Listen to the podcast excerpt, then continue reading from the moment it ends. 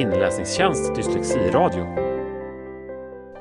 Då så, då var det dags för en ny sändning av Dyslexiradion. Eh, jag som talar här heter Jakob Skogholm och VD på Inläsningstjänst.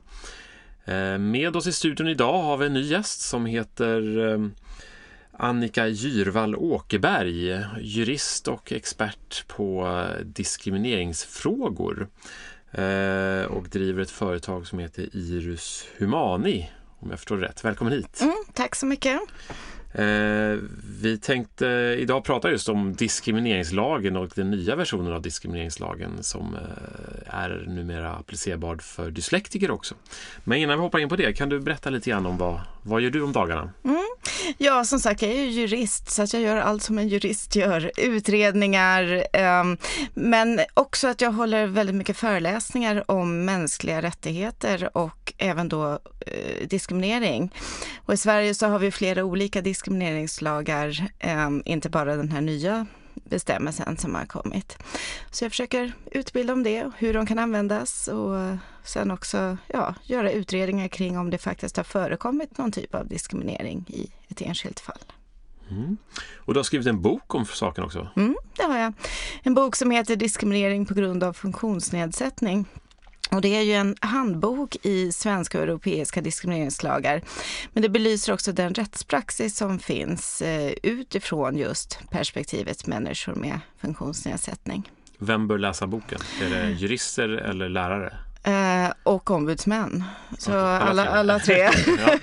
Och enskilda individer som vill veta mer. För att jag belyser ju samtliga lagar som är gällande i Sverige eh, och varje samhällsområde inom lagen. Och belyser vad det omfattar och, och hur olika typer av diskriminering kan se ut och hur domstolarna har behandlat det. Mm, spännande. Mm. Och att du är här idag är just att vi har fått en ny diskrimineringslag som, eh, eller du skakar på huvudet, ja. du får utveckla det själva. Vi har fått en ändring, kan det vara så? Ja, Precis, så i diskrimineringslagen. Eh, som gör att den eh, också blir applicerbar för våran målgrupp här, dyslektiker. Mm. Kan du utveckla lite grann? Ja, det kan jag absolut göra. Därför att diskrimineringslagen, den omfattar ju diskriminering i relation till de diskrimineringsgrunder som täcks av lagen. En av de grunderna är funktionsnedsättning. Så det gäller ju sedan länge eh, även personer som har dyslexi men även andra typer av funktionsnedsättningar. Då, då. Och lagen har sedan länge förbjudit olika former av diskriminering i relation till de samhällsområden som täcks av lagen. Och det är bland annat inom arbetslivet, inom utbildningen, Eh, inom hälso och sjukvård, socialtjänst, socialförsäkringssystemet, men även till exempel inom militärtjänstgöringen, civil och värnplikt. Eh, när man söker a-kassa och, och studielån. Eh, och sen också när det gäller tillhandahållande av varor och tjänster och bostäder. Men det som har hänt nu är alltså att vi har fått en ny form av diskriminering som heter bristande tillgänglighet. Och den innebär ju att eh, verksamheter inom de här olika samhällsområdena jag nämnde har nu en helt ny skyldighet att vidta åtgärder för tillgänglighet. Eh, och om en verksamhet inte vidtar sådana åtgärder så kan det alltså utgöra diskriminering. Men sen finns det då en rad olika ja, beskrivningar, begränsningar och, och, sådana saker för när det ska anses vara diskriminering. Och det, det man kan säga, det finns väl ett litet undantag, eller några, och det är att i samband med anställningsintervjuer har inte en arbetsgivare en skyldighet att göra tillgängligt. Och det finns också ett undantag för företag som tillhandahåller varor och tjänster eh, som har färre än tio anställda. Eh, och det omfattar inte heller i samband med bostäder eller för privatpersoner. Men det här undantaget gäller alltså bara i samband med anställningsintervjuer och bara i samband med tillhandahållande av varor och tjänster. Det finns inget undantag för till exempel utbildningen att göra tillgängligt. Bra, så om man hoppar in just på utbildningen så många av våra lyssnare är ju lärare och specialpedagoger och rektorer. Vad, vad sätter det här då för krav på skolan generellt. Mm. Eh, ute, och här måste man väl jämföra lite grann med de lagar som redan gäller mm. för skolan Absolut. och eh, elever med särskilda behov. Ja, um, kravet som sådant inom grundskolan har inte förändrats eh, när det handlar om vilket ansvar lärare har. Därför att vi har redan väldigt bra bestämmelser i skollagen till exempel och även inom arbetsmiljölagen som även omfattar eh, skolan, eh, både eleverna och, och personalen där. Eh, det som är nytt, det är ju att åtgärder för tillgänglighet har utsträckts inom alla andra utbildningsformer. Eh, tidigare så har ju högskolan till exempel bara haft en skyldighet att göra tillgängliga, eller sina lokaler tillgängliga. Nu har ansvaret utsträckts där till att omfatta hela undervisningssituationen. Det nya tillägget innebär också att um, ABF, folkhögskolor och alla andra former av utbildningar också måste göras tillgängligt i relation till människor med funktionsnedsättning. Om man då fokuserar på grundskolan och de skolformer som omfattas av skollagen så innebär det nya att eleverna har nya möjligheter att klaga om lärare och rektorer och så vidare inte gör den pedagogiska situationen eller lokalerna tillgängliga. Så vad du säger är att faktiska kraven på att tillgängliggöra skolgången för elever har inte förändrats egentligen med den här lagstiftningen för grundskolan då. Mm. Utan det är mer i och med att det finns en skollag, utan det gäller mm. mer andra skolformer. Men däremot så gör skollag, den nya lagen, eller nya ändringen i diskrimineringslagen möjligt att överklaga på ett annat sätt. Just det. Kan du, kan du utveckla det? Hur, hur, hur klagade man förut och hur mm. kan man klaga nu? Mm. De gamla formerna att klaga gäller fortfarande. Eh, så att om en elev känner att det finns missförhållanden i skolan eller brister i arbetsmiljö, då, då är det ju fortfarande Skolinspektionen eller eh, arbetsmiljö eh, verket man vänder sig till. Eh, och är det beslutet om till exempel ett åtgärdsprogram, då kan man fortfarande vända sig till skolväsendets överklagandenämnd. Eh, men då kan man alltså få själva tillgängligheten åtgärdad om man får ett beslut från dem. Om man vänder sig till eh, diskrimineringsbyrån eller diskrimineringsombudsmannen och påtalar diskriminering i form av disk bristande tillgänglighet, då kan den enskilde individen få diskrimineringsersättning om eh, man inte får tillgänglighet i skolan. Så att det innebär att de gamla bestämmelserna de gamla sätten att klaga, de är fortfarande kvar.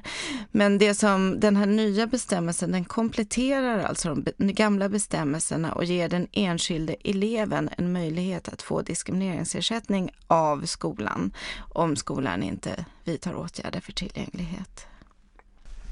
Okej, um, ökade möjligheter att klaga och, och framförallt mm. få rätt eh, och även ersättning mm. om jag förstår rätt. En liten detaljfråga här. Du sa att lärarnas ansvar och skolans ansvar. Finns det något har, har läraren själv som, som personlig... I, är det alltid skolan som har ansvaret eller har läraren ett ansvar eh, personligen? Eh, ja, just det.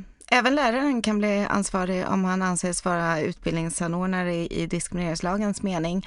Vad innebär det då? Eh, ja, det innebär att inom den del där han eller hon har ett eh, ansvar för skolsituationen så eh, omfattas han av diskrimineringslagen. Har, han, har en normal lärare i en normal undervisningssituation då ett sådant ansvar? Ja, i den pedagogiska situationen. Men de har ju en relation, det, handlar ju naturligtvis om relationen då till um, eh, rektor och sådana saker. Men i vissa delar av utbildningssituationen då är det ju bara läraren som behöver se till att det fungerar. Till exempel läsa upp det som står på eh, ja, whiteboarden eller vad man nu har för system i klassrummet. Men, men innebär det här krasst att en lärare kan då också bli åtalad för att inte göra på rätt sätt? Ja. Är det, är det nytt i med diskrimineringslagen ja, då eller är det hade, gäller det även tidigare med skollagen? Ja, um, när, när det gäller bristande tillgänglighet är det nytt, men uh, även sedan tidigare så har ju lärare haft en skyldighet att, att vidta åtgärder för att uh, ja, direkt och indirekt diskriminering inte ska föreligga. Yeah. Uh, men när det gäller bristande tillgänglighet så ehm, är det nytt i, när det gäller just diskrimineringsformen. Då. Okej. Okay. om man tittar just på dyslektiker och pratar om eh, anpassningar som krävs för att inte diskriminera dyslektiker. Har du någon idé om vad är det som anses skäligt? Mm. För det finns väl en skälighetsprincip här också. Man kan inte förvänta sig allt, men det ska vara skäligt. Mm. Eh, till att börja med så är alla elever, alla elever oavsett dyslexi eller vad det nu är, eh, unika. Och det innebär att alla elever har olika individuella former av eh, behov. Ehm, så att eh, jag vill inte ens ge något exempel, men, men för dyslektiker naturligtvis eh, skriv och läshjälp, men hur det är utformat är ju alltså individuellt. Mm. Och det är ingenting som lagen ger inget stöd här till lärare och rektorer hur de ska agera? Nej, inte lagen som sådan, utan det är samma saker som gäller enligt skollagen sedan tidigare, så där är inget nytt. Ja, och då, där tror jag många av våra skolor känner till vad som, vad som finns för hjälpmedel att använda. Ja, och, och det finns fortfarande då, eh, man säger begränsningar. Man kan inte förvänta sig allting av skolan. Mm. Utan det finns en skälighetsnivå där. Att om det blir för dyrt eller för mm. mycket resurser så kan man inte sätta de kraven. Mm. Eh, och det är alltid en avvägning misstänker jag. Mm. Det ja, det är alltid en avvägning, precis. Eh, det som avgör, det, är så viktigt att framhålla att befintliga bestämmelser gäller fortfarande. Det som är nytt är alltså att den enskilda individen kan klaga om man inte får åtgärderna tillgodosedda. Så att alla andra tidigare krav, de är fortfarande kvar. Bra. Om man sammanfattar här lite grann, tror du med de nya ändringarna i lagarna och så, tror du elever med dyslexi kan både förvänta sig och kräva mer anpassningar än de får idag? Um, Ja, det lätta svaret är väl ja, men sen är det väldigt mycket, det är en skälighetsbedömning också. Det man kan säga är att de tidigare villkoren ligger, eller kraven finns ju kvar. Men det som sker nu då är att eh, även där det inte finns stöd i annan lag så har skolan fortfarande, eller genom den nya lagen då en skyldighet att vidta enklare åtgärder. Alltså även på de områden där det inte har funnits lag tidigare. Eh, så enklare åtgärder är alltid skyldiga att, att, att ta ändå. Eh, men det eleven kan göra nu, det är att man kan klaga på nya sätt. Och det innebär ju att skolan kan behöva betala diskrimineringsersättning. Eh, alltså en form av, av, böter kan man väl säga. En ersättning i alla fall då om man inte lever upp till de andra lagarna eller vidtar åtgärder, enklare åtgärder för att eleven ska klara skolgången. Och där kan ju skolan fundera på om hur man vill prioritera det, att eleven, eh, att skolan blir kanske i förlängningen då tvungen att betala diskrimineringsersättning eller om man redan från början vill försöka um, hjälpa eleven i högre grad. Så att på så sätt kan eleven um, ja, kan ju, har ju mycket, har ju nya möjligheter här att få den hjälp de behöver i skolan. Sen så Huruvida det är diskriminering eller inte, det måste ju alltid göras en skälighetsbedömning. Eh, så man måste utgå från om skolan har ekonomiska förutsättningar, att det finns praktiska förutsättningar. Eh, varaktigheten i mötet mellan en enskild individ och verksamheten är också avgörande för hur, huruvida det ska anses vara diskriminering. Men som elev har man ju väldigt nära relation, man är ju där dagligen i skolan. Så att det blir nya möjligheter här. Det, det du sa om eh, att det ska finnas pengar i skolan. Det, det, är ju mm. sällan så. Eller det upplevs ju inte finnas pengar i skolan. Men hur, hur bedömer man det då? Mm. Det är ju en prioritetsfråga med andra saker som man lägger mm. pengar på i skolan. Allt från, eh, från skolmat till lärarlöner mm. och skolbyggnader och så. Vad, finns det någonting att säga om det? Ehm, kan en friskola ta ut vinst ehm, så finns det ju mer pengar än om de inte kan ta ut vinst kan man väl säga. Eh, men kommunal skola kan ta ut mer skatt från medborgarna. Så det, medlen kan ju alltid göras tillgängliga. Ja, så kan man se det. Eh, men sen också handlar det ju om hur man fördelar pengar, hur man prioriterar och, och, sådana saker. Och det handlar ju också om att få in ett helhetstänk i hela den pedagogiska situationen. Eh, och helhetstänket behöver inte kosta, naturligtvis kosta hjälpmedel, men pedagogiken behöver inte alltid kosta. Så jag tror det handlar om att tänka om också. Och här, ja, jag måste ju faktiskt, därför att jag tycker det är så oerhört bra. Alla lärare borde gå in och titta i Dates material. DA TE. Det är ett fantastiskt material för hur man kan göra skolsituationen mer tillgänglig för alla elever. Så kanske kan man hitta andra vägar som inte är så kostsamma.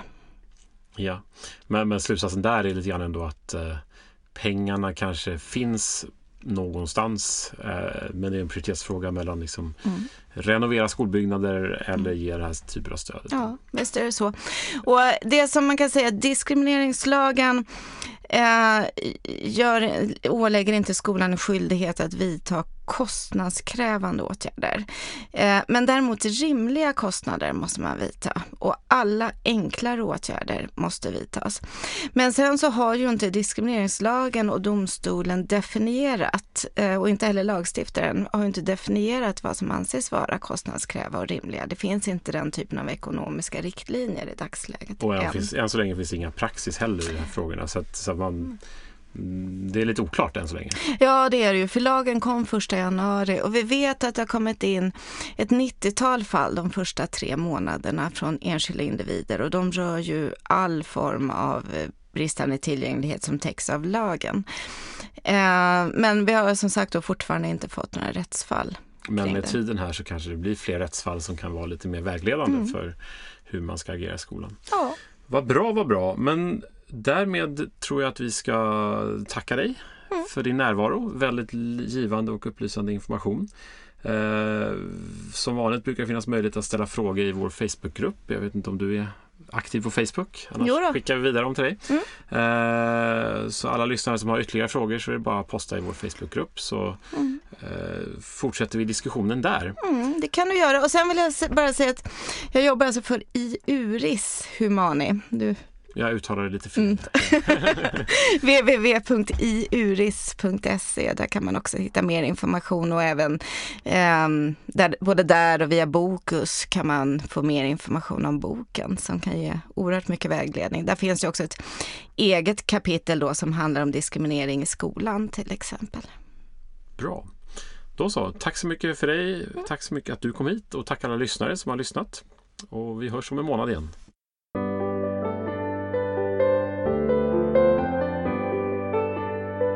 Inläsningstjänst Dyslexiradio